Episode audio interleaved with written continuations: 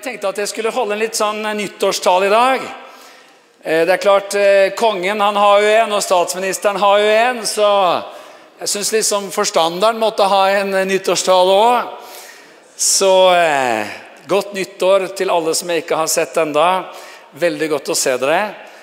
Og Vi skal se litt bakover på det som ligger bak oss i 2022. Og vi skal se inn i det året som ligger fram foran oss i 2023. Og vi skal se på dette i lys av Guds ord. Så forrige søndag, dvs. Si, det var ikke forrige lørdag, nyttårsaften eh, Det var ikke helt riktig det her at vi ikke hadde gudstjeneste forrige søndag. For vi hadde det på en måte, men, men det, det, gikk liksom inn i de små timer. Innen var ferdig klokka sju på morgenen, tror jeg. Da, da ga de siste seg her. Så, så den bare begynte veldig tidlig. Den begynte ved midnatt. Det var, veldig, det var herlig med nyttårsfestival. altså. Nydelig med Kingdom Come etter tre års fravær pga. pandemi. Åh, er ikke det deilig, folkens? At vi får lov til å samles, at vi får lov til å, å ha gudstjenester, at vi får lov til å ha festivaler, konferanser. Det var så herlig å få lov til å være her. Mange ungdommer tent i brann for Jesus. Så Vi skal ta oss og lese Guds ord sammen fra Matteus 24. Jeg kan godt få litt mer monitor her oppe. Jesus forlot tempelet og gikk ut. Da kom disiplene hans for å vise ham tempelbygningene. Men han svarte og sa til dem, ser dere ikke alt dette? Sannelig sier dere, her skal ikke bli stein tilbake på stein, som ikke skal brytes ned. Da han satt på Oljeberget og disiplene var alene med ham, kom de til ham og spurte, si oss, når skal dette skje? Og hva skal være tegnet på ditt komme og på denne tidsalders ende? Jesus svarte og sa til dem, se til at ingen fører dere vil. For mange skal komme i mitt navn og si, jeg er Messias, og de skal føre mange vil. Dere vil høre om kriger og rykter om krig. Se til at dere ikke lar dere skremme, for alt dette må skje, men ennå er ikke enden kommet. For folk skal reise seg mot folk, og rike mot rike, og det skal bli hunger og jordskjelv både her og der. Men alt dette er begynnelsen på fødselsveene. Da skal de overgi dere til trengsel og slå dere i hjel. Og dere skal hates av alle folkeslag for mitt navns skyld. Mange skal da falle fra, og de skal angi hverandre og hate hverandre. Mange falske profeter skal stå fram, og de skal forføre mange. Og fordi lovløsheten tar overhånd, skal kjærligheten bli kald hos de fleste. En liten parentes. Eh, på gresk her sånn, så er det samme ord som brukes hele veien når det står 'mange skal falle fra', mange falske profeter. Eh, når det står 'de fleste', altså kjærligheten skal bli The low will be, grow cold with many, står det på engelsk der også. Så av en eller annen grunn så står det 'de fleste' på den norske oversettelsen her. Eh, hvorfor vet jeg ikke, men, men det, det, det er mange som kanskje er en riktigere oversettelse der. Samme ordet som brukes i disse versene. Og fordi lovløsheten tar overhånd, skal kjærligheten bli kald hos de fleste, men den som holder ut til enden, han skal bli frelst. Og dette evangeliet om riket skal bli forkynt over hele jorden, til et vitnesbyrd for alle folkeslag, og så skal enden komme. Herre Far i himmelen, vi ber om at du må åpne våre hjerter, så vi kan få ta imot ditt ord. Herre, vi ber om at vi må få lov til å være mennesker som forstår oss på tidene. Herre, vi ber om dømmekraft, og vi ber om innsikt i den tiden som vi er en del av. I Jesu navn. Amen. Hvor befinner vi oss egentlig i Guds tidstabell? Det vet vi ikke. Hvor er det vi egentlig befinner oss i det åndelige hendelsesforløpet som kalles for endens tid? Det vet vi heller ikke. Og Det som er spesielt i dag, det er jo at pga. den revolusjonen som har skjedd innenfor digitale medier de siste 10, og 15 og 20 årene, så er det jo sånn at egentlig så kan hvem som helst spre sine lærer. Jeg tenker liksom på det som ordet sier, at i den siste tid så skal liksom folk ta seg lærere i mengdevis og liksom finne det som klør dem i øret, står det.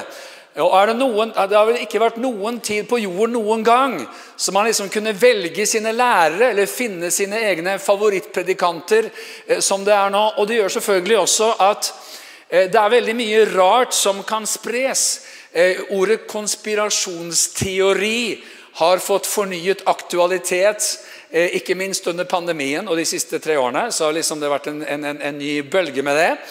Og Det interessante det er jo at vi, jeg tror at vi kan vite en hel del om på en måte tiden som vi er inne i, og vi kan forstå oss på tiden. Det tror jeg Jesus vil at vi skal. Eh, Jesus han refser egentlig de skriftlærde i Matteus 16 eh, og sier at dere forstår dere på, på, på himmelens tegn, og dere sier at eh, når, når, himmelen er rød, så blir det sånt vær osv. Så Men tidens tegn det kan dere ikke tyde. Så det ligger litt sånn implisitt i det at han forventer at vi skal forstå oss på tidene. Vi skal ikke være uvitende, vi skal ikke være, være uforstandige. Samtidig så, så, er det klart at med en gang kristne begynner å bli altfor skråsikre og si at det som vi leser om i avisen nå, det er det her, eh, så er man ofte litt sånn på tynn is. Eh, og, og, og, mange er de som har falt igjennom fordi at man liksom i sin inspirasjon og sin iver etter å tolke tiden ble litt sånn, litt for raske på å si at ja, men det som skjer nå, er det her. Samtidig så er det klart at det, i det store bildet så vet vi at vi lever i de siste tider. Eh, det, det var sant på Jesu tid, at den siste tid hadde kommet nær. Eh, det, dere som de siste tider er kommet til, sier Paulus til korinterne.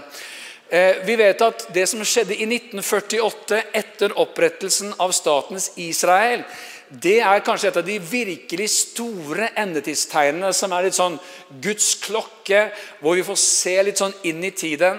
Det at profetenes ord går i oppfyllelse i stor skala. At et folk som har vært forsingret spredt ut over hele verden, vender tilbake til Israel, sitt hjemland, slik profetene har sagt i tusener av år. Det til og med ble sagt at det skal komme en tid hvor man ikke lenger skal si 'Priset være Herren, Han som førte sitt folk ut av Egypt', men 'Priset være Herren, Han som førte sitt folk ut fra landet i nord' og fra alle de ulike landene som han hadde spredt inn til. De skulle komme til sitt land, og der skulle de bli plantet for evig. Og alle som er i Israel i dag, kan se et land hvor 425 millioner trær er blitt plantet i løpet av de siste to generasjonene. Og ordet fra Bibelen om at ørkenen skal blomstre, er gått i oppfyllelse foran våre øyne, og en rekke andre ting. Så at vi lever i de siste tider, det er helt sikkert. Men liksom, akkurat hvor vi er, det vet vi ikke. Det som er litt interessant, er dette som vi leste om til begynnelsen med her, med kriger og rykter om krig. Kriger har det alltid vært. Jeg vet ikke åssen det er med deg, men eh, når jeg skal slappe skikkelig av, virkelig hvile, så leser jeg historie. Det syns jeg er veldig interessant. Europeisk historie, kirkehistorie, Israels historie, jødisk historie. Og Ofte så er de der tre de krysser hverandre også, rett som det er Jeg vet ikke hva du gjør når du skal slappe av, men, da, men da, hvis, jeg, hvis, du ser meg med en historiebok, da du, da slapper Kristiansen skikkelig av. Altså. Da er han i feriemodus. Fins ingenting som er bedre enn det enn å liksom være på en hytte eller være ved sjøen og liksom sitte med en sånn skikkelig tusensiders blekke om et eller annet område i Europa som man kan lese historie om. Det er kjempeinteressant!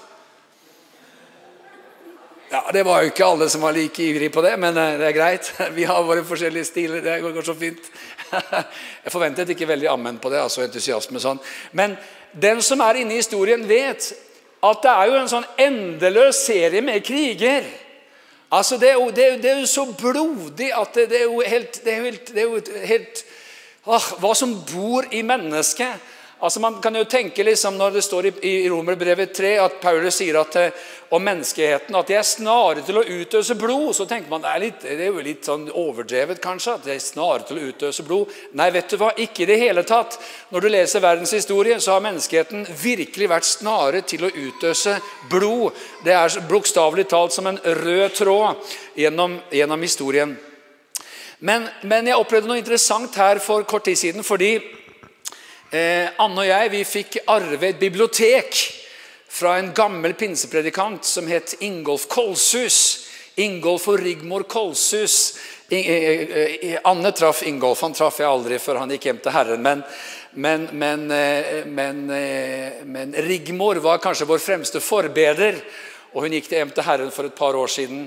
Og, og, hun hadde sagt til oss at når jeg går hjem til Herren, da skal dere ha våre, vårt gamle bibliotek. Og vet, Det er som å gå inn i et sånn gammelt pinsebibliotek med, med liksom komplette utgaver av Levi Petrus og TB Barrat og alle mulige andre kjente pinsepredikanter på den tiden, fra 20-tall, 30-tall osv. Og Der fant jeg en bok fra 1939 som er kjempespesiell. Det er rett og slett det, er det alle predikanter sa og ba og prekte på den aller første europeiske pinsekonferansen i 1939 i Stockholm. Det var første gangen da hadde pinsevekkelsen holdt på liksom i 30 år omtrent. Og det var første gangen alle, alle pinseledere var sammen på et sted. Og dette er i juni 1939. Og der, liksom, der, der, er det ikke bare prekenene som er stensilert, eller som er stenografert inn og skrevet inn, men det er liksom innleggene og det er diskusjonene mellom Levi og TB Barrat og, og, og, og Donald G og, George Jeffreys og ja, Howard Carter og alle mulige sånne vekkelsespionerer. Det er bare Wow! Fins det her, liksom? Og da er det jo også Flaggene ikke sant, til alle disse ulike landene er på forsiden av boka, på coveret. Og der er jo naziflagget ikke sant, for Tyskland, for det var sånn det var da. Og, og, og, og Det er liksom sånn du leser inn mellom linjene en sånn utrolig Hva er det egentlig som er i ferd med å skje nå? Og Man leser sånne uttrykk som at ingen av oss vet hva det egentlig er som er i ferd med å skje på det europeiske kontinentet. Men vi merker og vi ser og vi fornemmer en øket demonisk aktivitet. Vi merker at antikristens ånd begynner å arbeide sterkere og sterkere i Europa. Vi ser konturene av en slags sånn djevelsk avgrunn. altså denne, Disse ordene er det som brukes i denne boken.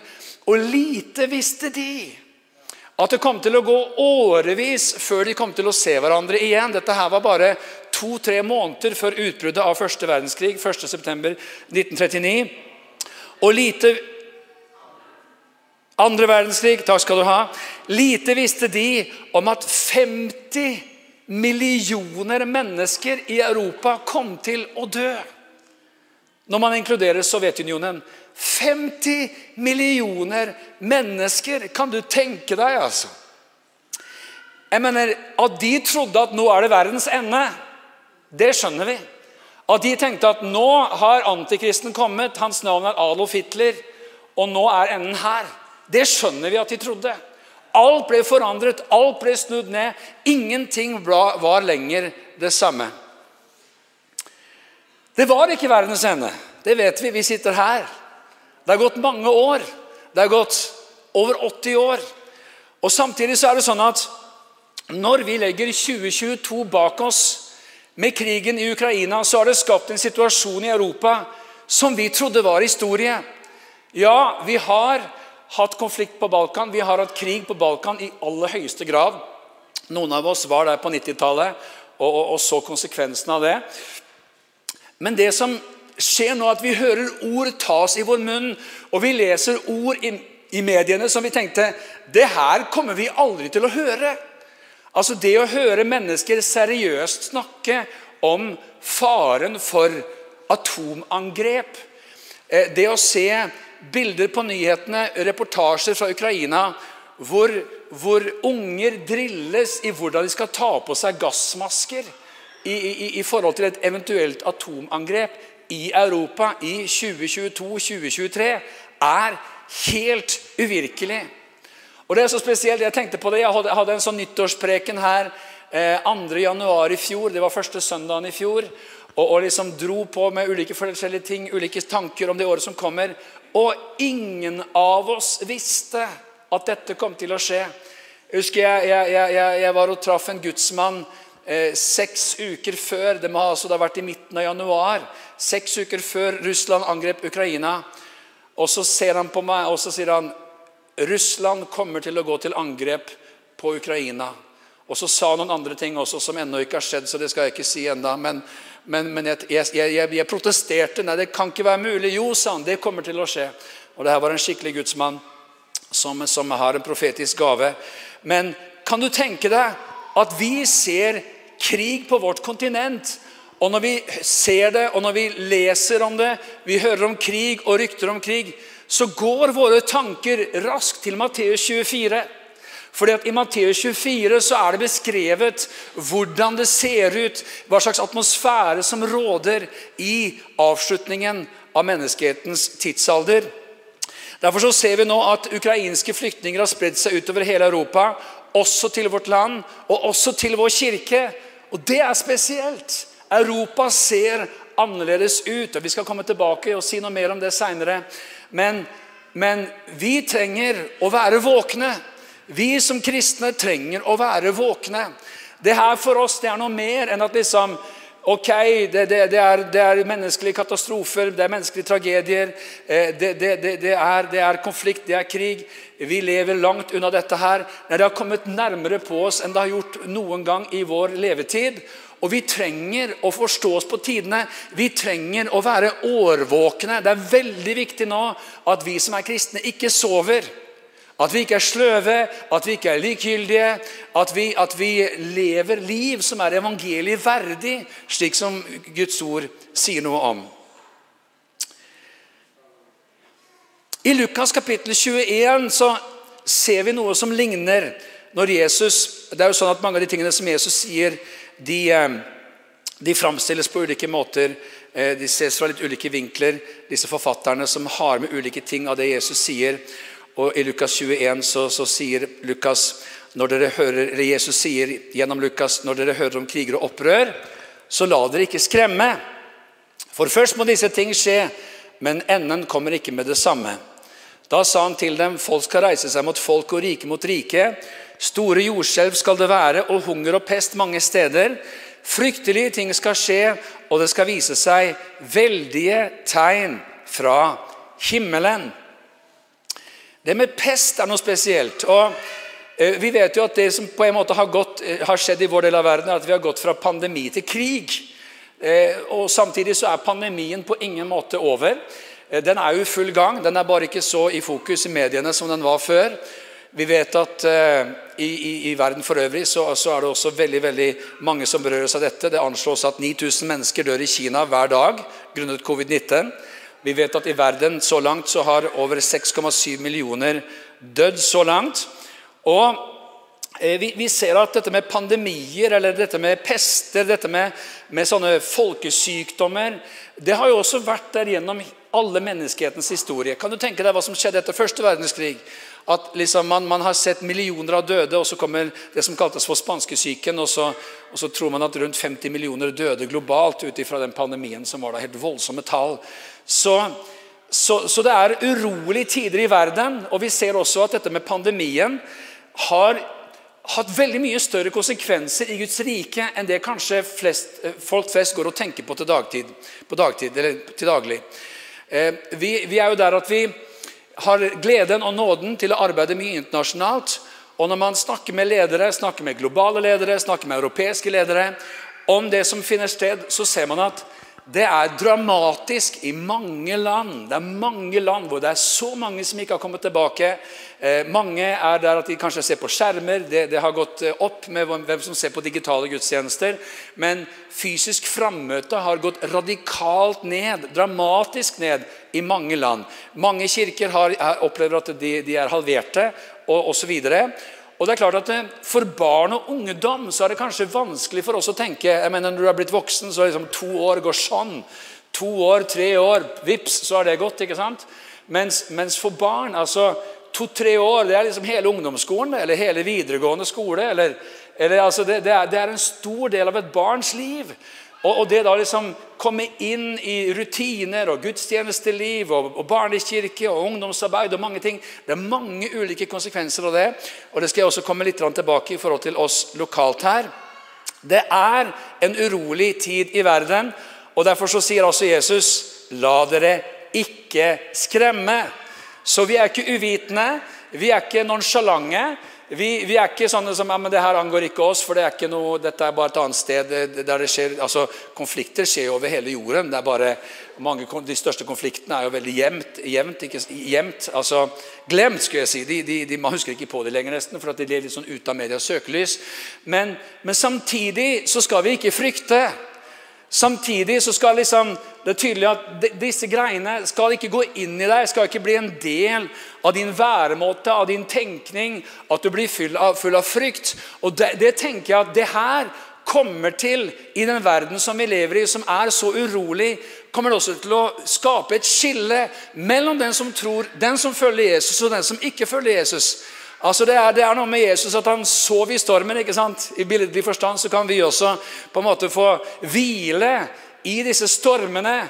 Vi er på, vi er årvåkne, vi er med, men vi hviler i Gud. Vi har fred i Gud. Vi vet at det fins en Gud i himmelen som rår. Vi vet at det fins en skaper. Vi vet at han har en vei. og Derfor så får vi sette vår lit til han. Jeg fikk en eh, herlig julegave i år som jeg hadde ønsket meg. Og Det var eh, Hans Johan Sagerustens bok om åpenbaringen. 'Åpenbæringa'. Eh, en fantastisk bok som det vil si, Jeg har ikke lest hele ennå, jeg har kommet til en tredjedel ut, eller noe sånt, men veldig spennende. Og Han skriver noe veldig interessant, og det er at undertittelen er 'Åpenbaringen som en samtidsvisjon'. Veldig mange av de tingene som man leser om i åpenbaringsboken i forhold til kriger, nød, pest, farer av ulike slag, det har jo vært der gjennom hele den kristne historien. Og Derfor har jo også alltid kristne opplevd, særlig i den første kristne tid, så var Johannes' åpenbaring en av de aller mest leste skriftene. Fordi de var under press, de var under forfølgelse, de, de ble, de ble, mange ble drept for sin tro. Det var mange martyrer. Og man opplevde at åpenbaringsboken ga trøst, ga håp til, til, til tilværelsen i en sånn turbulent tid. Samtidig så er det sånn at man ser at krig og ødeleggelser alltid har vært en del av den kristne historien. som nevnt. Og når man tenker på dette med en samtidsvisjon Jeg snakket med noen som fortalte at under kulturrevolusjonen eh, under Mao Zedong i Kina, så var man helt overbevist om Alle kristne tenkte at dette er den store trengsel. Nå er det den store trengsel. Fordi kristne tortureres, kristne fengsles, kristne drepes. Det, er, det, er, det, det her er endens tid. Så, så, gjennom hele historien så har altså da åpenbaringsboken vært også sett på som noe som er en slags sånn samtidig åpenbaring av det som skjer rundt omkring oss. Og Det er veldig interessant, fordi det er den eneste boken i Bibelen hvor det står eh, og alt er jo velsignet, selvfølgelig. Men det står til og med i det første kapittelet og det siste kapittelet Velsignet er den som leser og tar vare på det som står i denne bok. Og så er det interessant at det er kanskje en av de bøkene som kristne kvier seg mest for å lese. For liksom, jeg skjønner jo ikke det som står der. ikke sant? Ja, alle har jo sikkert hørt meg fortelle om denne som var ny i troen, som jeg bare sa til at hva skal du gjøre nå? Jeg hadde fått ledet vedkommende til Jesus, og jeg sa men les Johannes, sa jeg. Uten å tenke på at det fins jo fem Johannes. Og Det var jo både, første, andre og tredje Johannes brev, og var Johannes evangelium og Johannes' åpenbaring. sånn som det står i den norske bibelen. Og Han tenkte ja, men jeg tar den siste Johannes. jeg. Så han kom tilbake etter noen dager og hadde liksom kommet liksom i gang med sin nye tilværelse som en troende og Jesus-etterfølger. Og, og, med store øyne altså, tenkte liksom Oi, oi, oi, oi, var det her starten? liksom? Det var det her jeg skulle begynne med? Det var heftig, altså. Engler og demoner og liksom skapninger og livsvesener med øyne og det drager og ildsjøer. og det var veldig, Han var kjempefascinerende. Han syntes det var helt topp. han altså. Og jeg liksom bare tenkte Stefan, hvorfor sa du ikke Johannes evangelium? Så men vet du hva? den boken inneholder veldig mye som er viktig for oss i vår tid. Det er liksom akkurat som at når man ser inn i himmelen, man ser inn i evigheten, man ser Han som sitter på tronen, så får alt annet et annet perspektiv. Det fins en som sitter på tronen. Han tilbes gjennom evigheters evighet. Halleluja. Og vi ber jo her hver søndag La ditt rike komme, som i himmelen, så også på jorden. Tilbedelsen, lovsangen og herligheten som vi ser i himmelen, skal også komme til jorden. Samtidig så er jo vi der påpeker også Sagrusten med rette, at det vi ser av sånne klimaskapte naturkatastrofer, det er jo som hentet ut fra Johannes' åpenbaring. Med en sol som brenner, og en jord som er gått ut av hengslene. ikke sant? Det går jo rett inn i vår samtid.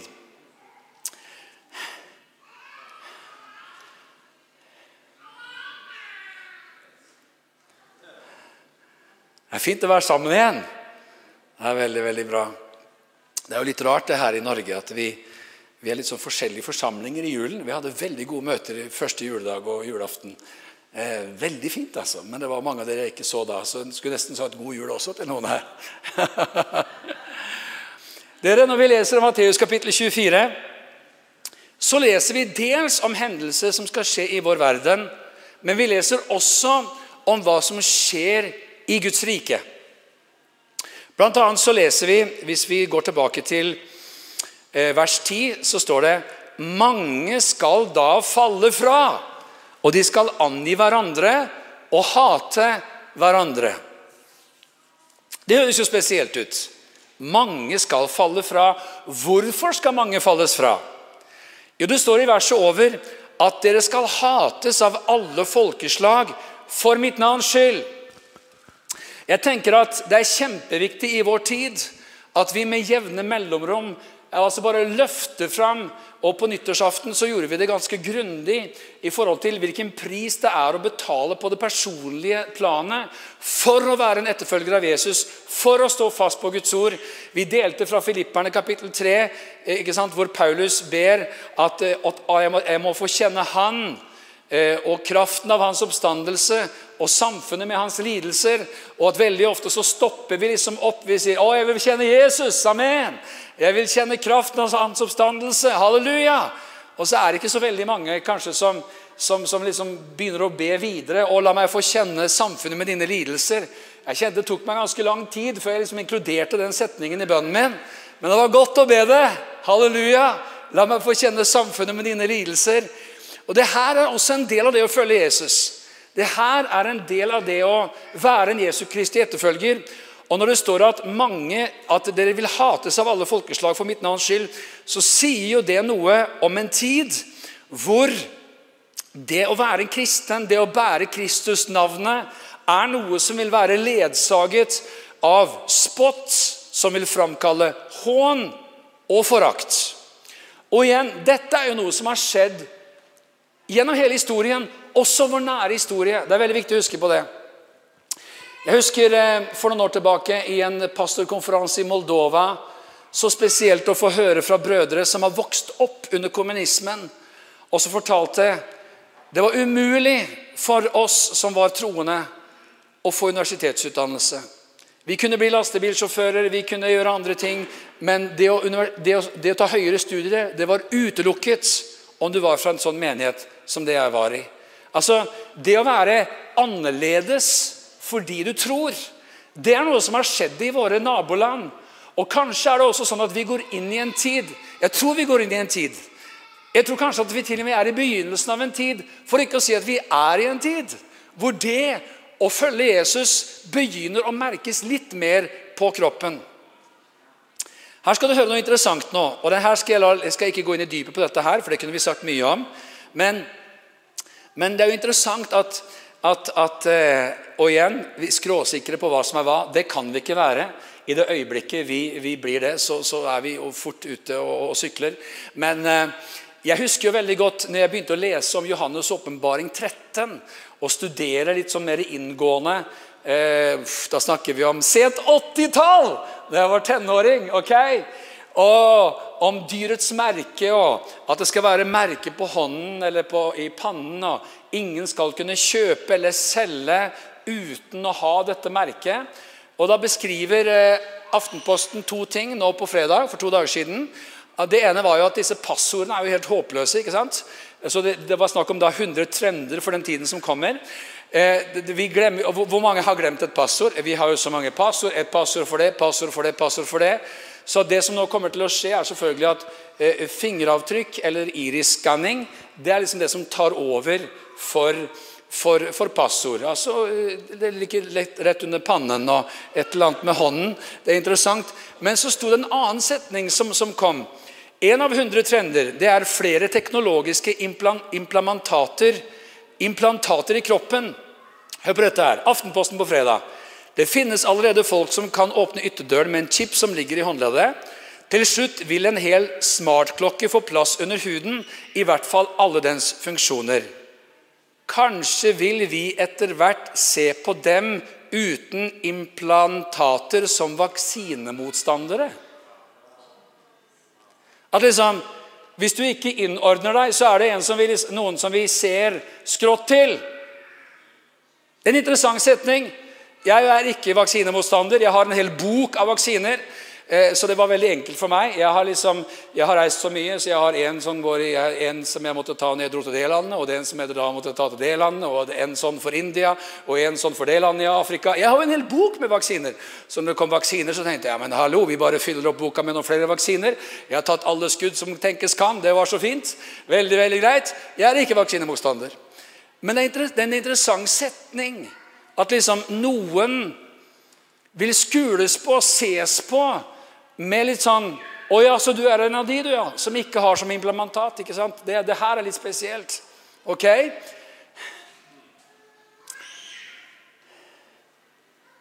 Det er spennende tider. Tenk at Gud tenkte at du skulle leve akkurat nå! Det er jo fantastisk!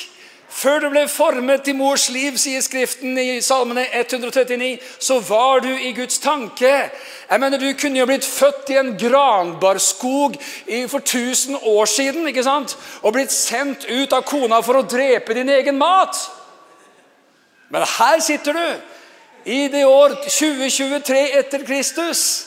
Er du glad for det, forresten? Ja, det var veldig bra. Halleluja. Det er herlige tider. Spennende tider. En av de som ble forfremmet til herligheten, som Frelsesarmeen eh, lærte oss uttrykket der, i 2022, det var en som kalles for broder Andreas, Guds smugler. Hvor mange har hørt om broder Andreas? Grunnleggeren av Åpne dører. Han levde sitt liv ut ifra et vers i Johannes' åpenbaring, kapittel 3, vers 2. Våkn opp og styrk det andre som var i ferd med å dø. Altså Han døde vel 93-94 år gammel.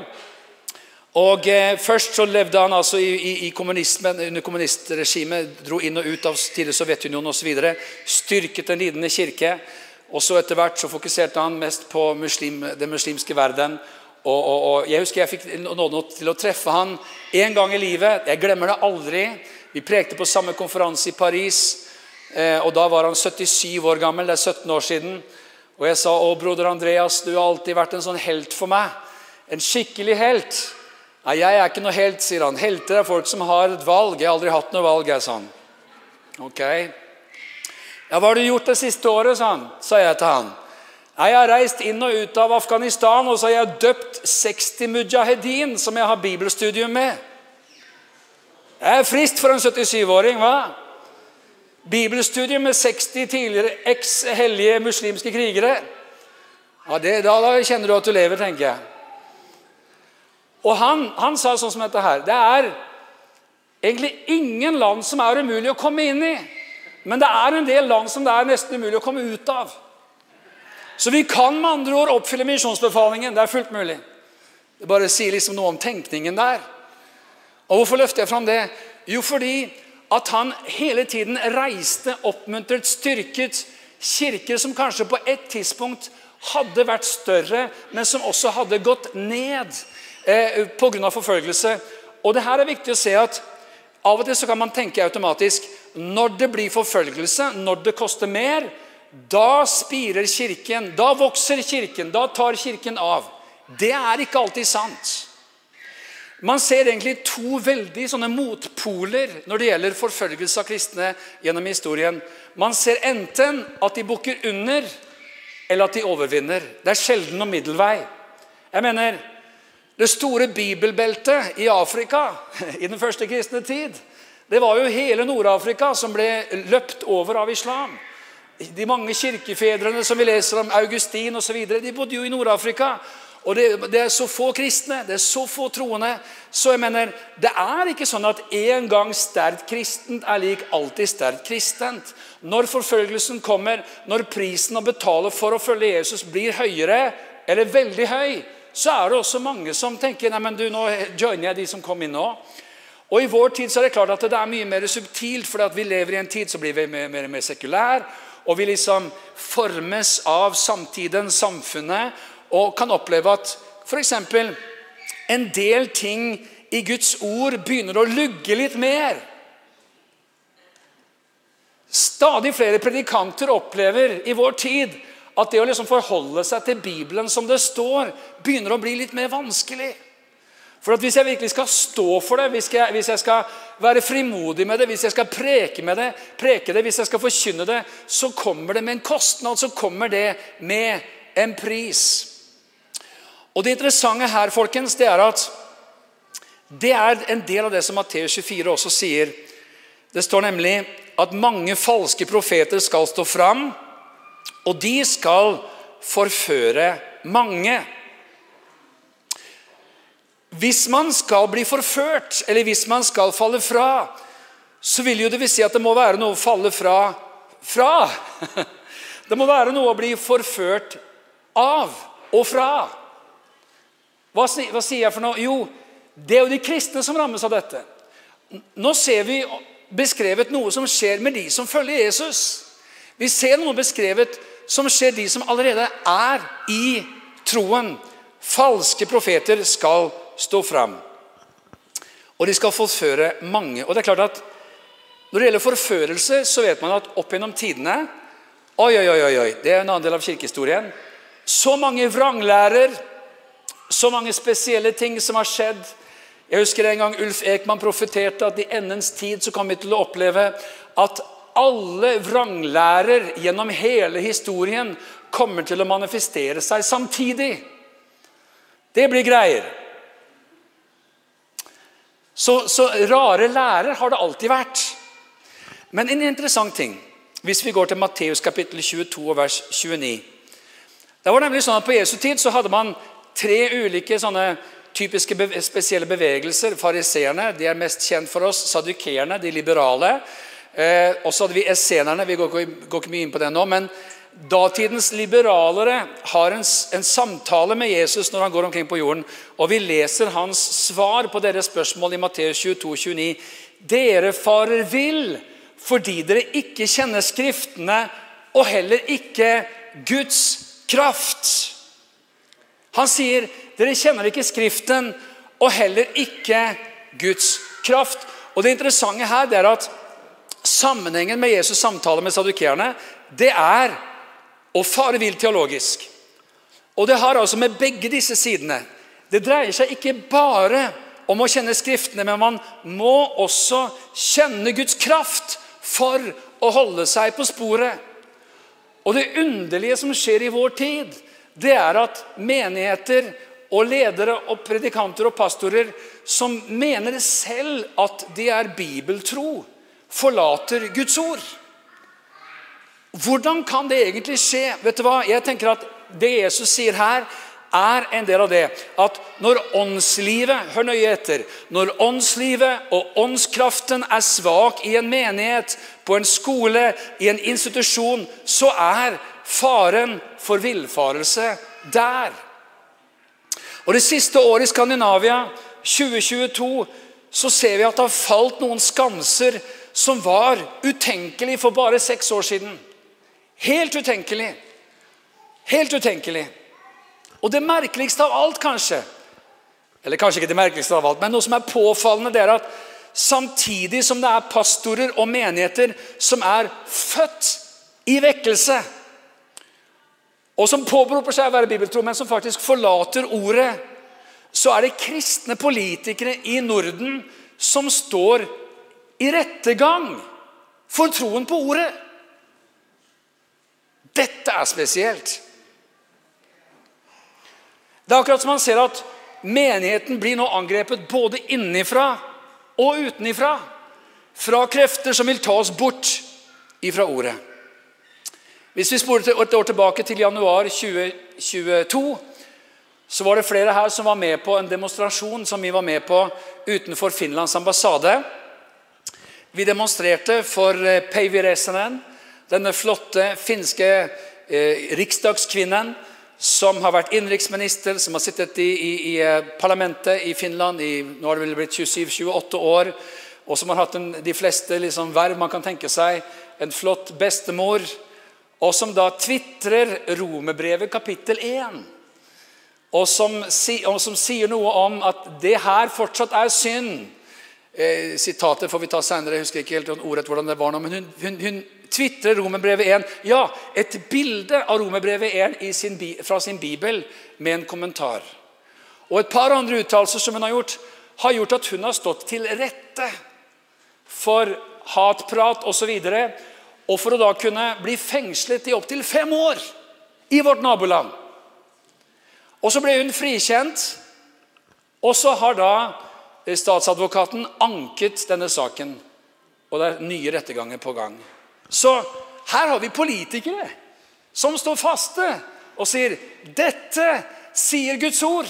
Og jeg som en kristen er forpliktet i min samvittighet til å følge og løfte opp Guds ord. Og så har vi da kristne pastorer og ledere som rygger, og som syns det blir beklemmende. Hva er det her for noe? Jo, jeg tror at det er forførelse, jeg tror at det er frafall, og jeg tror at det er villfarelse. En menighet som har forlatt ordet, vil til slutt være omgitt av et slags skall av kristendom men med en kjerne som ikke lenger har noen substans. Bibelen sier den som holder ut til enden, leste vi i Matteus 24, han skal bli frelst. Så hør nå her. Det gjelder å stå fast. Stå fast på Guds ord, uavhengig av konsekvensene. Amen. Vi følger Jesus. Vi er en del av hans kirke. Vi tror på evangeliet. Vi tror på Guds ord. Amen. Vi bøyer oss for det. Men gode venner, hva er det sterkeste, sterkeste tegnet som vi leser om i forhold til endetid i Matteus 24? Det aller, aller sterkeste, tenker jeg, det leser vi om i vers 14. Der står det nemlig Dette evangeliet om riket skal bli forkynt over hele jorden til et vitnesbyrd for alle folkeslag, og så skal enden komme. Like sant som alt dette andre er, like sant er det at evangeliet skal forkynnes som et vitnesbyrd, med andre ord, med kraft, med liv, med stadfestelse av tegn og under, med helbredelse, med mirakler. Og vet du hva? Det er helt åpenbart at der evangeliet forkynnes som et vitnesbyrd, så går Guds rike fram. Halleluja.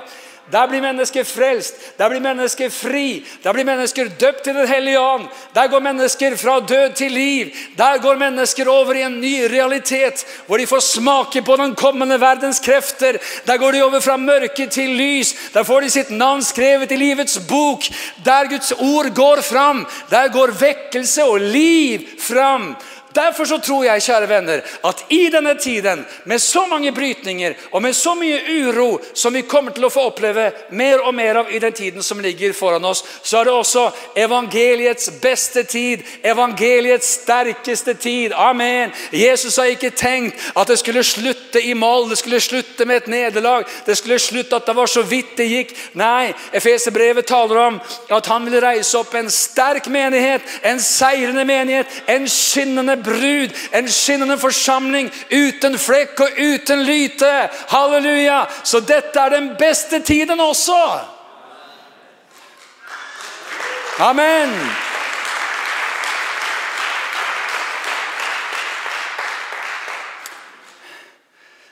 Jeg vet ikke om Charles Dickens' setninger er, er, er, er, å, å sitere, men han skrev jo en av sine bøker It was the worst of times, it was the best of times.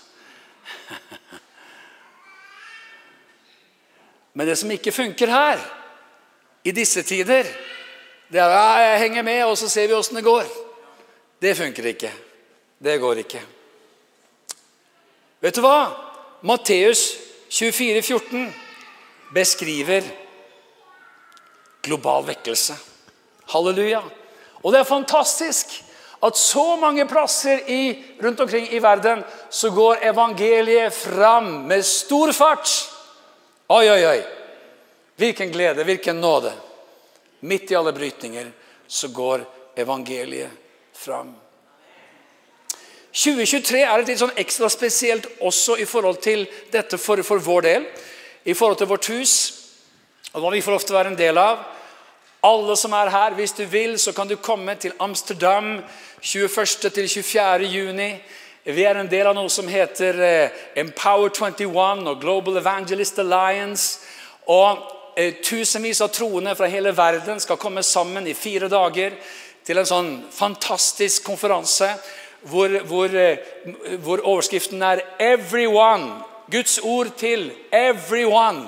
Fra 2023 til 2033 så er målet at man skal få nå hele verden med evangeliet. Man kobler sammen menigheter, misjonsorganisasjoner, altså virksomheter av alle slag, for å se at misjonsbefalingen kan oppfylles i løpet av et tiår. Kan du tenke deg? Det er svære vyer, altså. Og, og, Jesus Evolution skal jo ut på Every Nation Tour. Og vi skal eh, til hvert land i Europa i løpet av disse fire månedene før dette. Vi står sammen med Empower 21 også og inviterer i hvert eneste land til Amsterdam. Og eh, vi gleder oss over å være der og være en del av det. det avslutningen er på Olympiastadion, tror jeg, i Amsterdam. Og, og en fantastisk satsing. Det kommer predikanter og forkynner fra absolutt hele verden. Og det som er herlig her, det er at vi vil altså se en sånn tid med så mange sånne store kontraster, egentlig. Det er kanskje ikke så herlig, men vi vil se mange store kontraster. altså Vekkelse, innhøstning, herlighet, gjennombrudd. Mennesker som sitter i mørket, som får se et stort lys. Og kriser, katastrofer, nød, naturkatastrofer osv.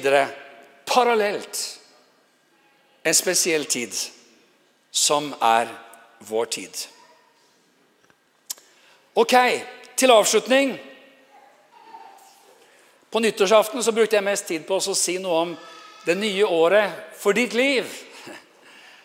Og her så bruker jeg mest tid på å si noe om det nye året i vår verden, og til slutt også litt om det nye året i vår menighet. Jeg tenker at Det er tre ting som jeg har lyst til å nevne spesielt. og Det, er, det første er at det året som ligger bak oss, det har dreid seg ganske mye om å hente seg inn igjen etter en pandemi som har rammet Oslo-menighetene hardt. Eh, I Norge så er det mange steder som egentlig det meste har gått nesten som normalt. Jeg har snakket med pastorer som ja, vi, vi husker vi måtte stenge tre uker. og, og sånn, og, Men det var stort sett det. Så, så, det som har vært i Oslo med en, en, en kirke, da, eller kirkene som har vært måttet stengt så mye, det har vært veldig annerledes. og jeg tror at også vi som lokal menighet vi opplevde ut, ut på våren at liksom på den ene og den andre måten så bare Oi, det her må vi fikse. og Oi, det her har vi ikke liksom fått tatt tak i. og det Her ser vi etterdønningen av pandemien. Altså, kan du tenke deg, To år uten barnekirke på vanlig driv. Den lengste fulle nedstengningen som vi alle husker, var jo ni måneder på rad uten noen ting. Og Så ble, fikk vi én normal søndag, og så ble det sommerferie. Så var det to måneder med sommerferie, så man har liksom egentlig sånn elleve måneders strekk som, som, som, det ikke er vanlig virksomhet. Det var det lengste vi hadde på rad. Og, og du kan tenke deg, For ungdoms, uh, ungdomsarbeidet, uh, for medarbeidere Ingen nye medarbeidere er egentlig rekruttert på to år. ikke sant? Uh, for du skal liksom prøve å få greiene til å funke, og digitale gudstjenester, og alt er annerledes, og hjemmekontor og alt det her som mange av oss kjenner så godt til. Så, så mye av 2022 dreide seg om det. Og Vi så også at eh, konklusjonen på det ble at vi opplevde at det ble riktig å slå sammen eh, sør og sentrum. Eh, første gudstjeneste sammen hadde vi da her den 6. november. Eh, det har vært en spesiell prosess og en spesiell reise. Og, og, og, det er klart at Udelt enkelt er det aldri å gjøre sånne store forandringer. Og så Samtidig så opplevde vi alle sammen som var ansvarlige ledere, at dette var det som var riktig å gjøre. For det var så mye å ta tak i, både i sør og i sentrum. Og vi så endringer i sør, og vi så endringer i sentrum i forhold til både mennesker og demografi, og eh, noen som vi ikke hadde med oss lenger etter pandemien osv. Så, videre. så Så vi er takknemlige for å være sammen nå eh, i den, det kapittelet som er nå. Og er, jeg, jeg er spesielt takknemlig også selvfølgelig for å få se alle dere som jeg ser utover her nå, fra sør. Det er godt å få være sammen nå. Og så tror vi at Herren har en vei for oss videre sammen i fullheten og fylden og oppfyllelsen av Jesus Church sin visjon. Det tredje som skjedde, og som var meget spesielt i 2022, det var jo at plutselig så var det ukrainske venner som banket på vår dør. Og som kom til vårt land, og som også kom til vår kirke. Og Derfor så er det tolking her eneste, hver eneste, eneste søndag til russisk eller til ukrainsk.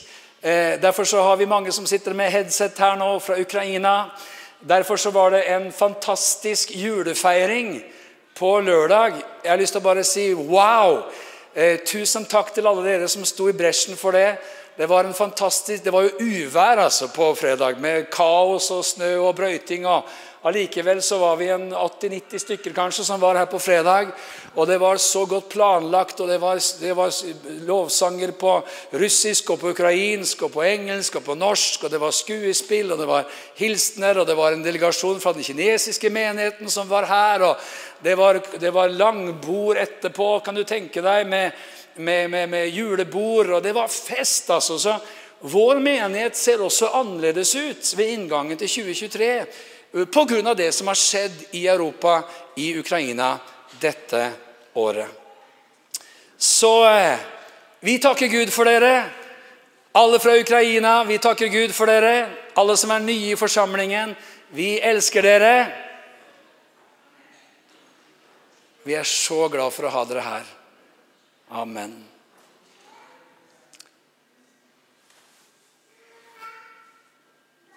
Til sist Neste generasjon er overskriften for oss alle i menigheten over det året som ligger foran.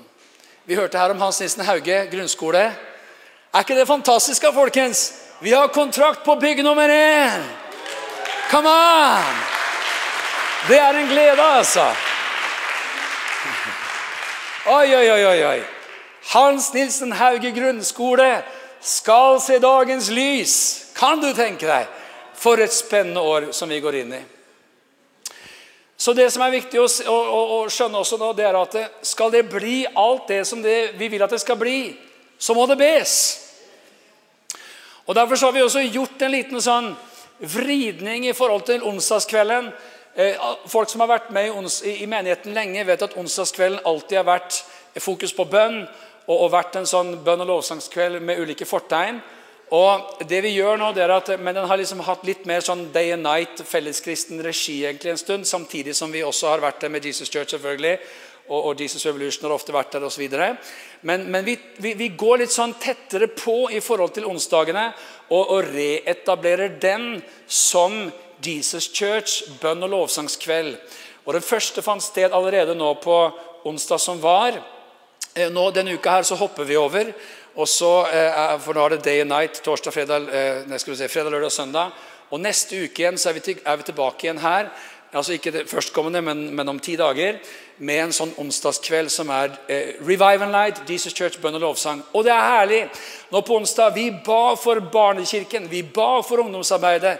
Vi, vi ropte til Gud for Hans Nissen Hauge grunnskoler. Vi ber for at det skal komme igjennom i sør. Og ikke minst det, det, som har med lærere og rektor og elever og alle ting eh, Noen ting har kommet på plass der, men veldig mye mer skal på plass. Så dette er også min oppmuntring. Vi har alltid sagt til Jesus Church eh, vår viktigste prioritet det er gudstjenesten og det er disippelgruppe. Det er liksom, eh, Skal du prioritere, så er det det du prioriterer. Det er så viktig med, med, med disippelgruppene på tirsdager. Å samles i hjemmene. Mens nummer tre, da, da, det, det, tredje perspektivet, det er disse bønnekveldene. bønn- og lovsangskveldene. Det er herlig å få lov til å være med på. Og hvilken glede å få lov til å kjenne. Jeg er med å be gjennom Hans Nilsen Hauge osv. Eh, Hans Nissen Hauge grunnskole. Og på fredag morgen så er det et eget bønnemøte fra 6 til 7 hvor vi bare ber for Hans Nilsen Hauge grunnskole. Så det er herlig. Så det er mange muligheter her. Men eh, nå, kan noen huske hva vi hadde som åpning av høsten her? Jo, vi leste Matteus kapittel 18 og vers 1. En overskrift som er fortsatt overskriften over menigheten det året som vi er inne i. Og, og, og både høsten i 22 og videre i 23, og videre også, og alt det som har med Hans Nissen Hauge grunnskole å gjøre. Det går så rett inn i det. I Matteus kapittel 18, i samme stund kom disiplene til Jesus og sa, Hvem er den største i himlenes rike? Han kalte da et lite barn til seg og stilte dem midt iblant dem og sa, Sannelig, jeg sier dere, uten at dere omvender dere og blir som barn, kommer dere slett ikke inn i himlenes rike. Den som gjør seg liten som dette barnet, han er den største i himlenes rike. Og den som tar imot et slikt lite barn, for mitt navns skyld, tar imot meg. Kan du tenke deg?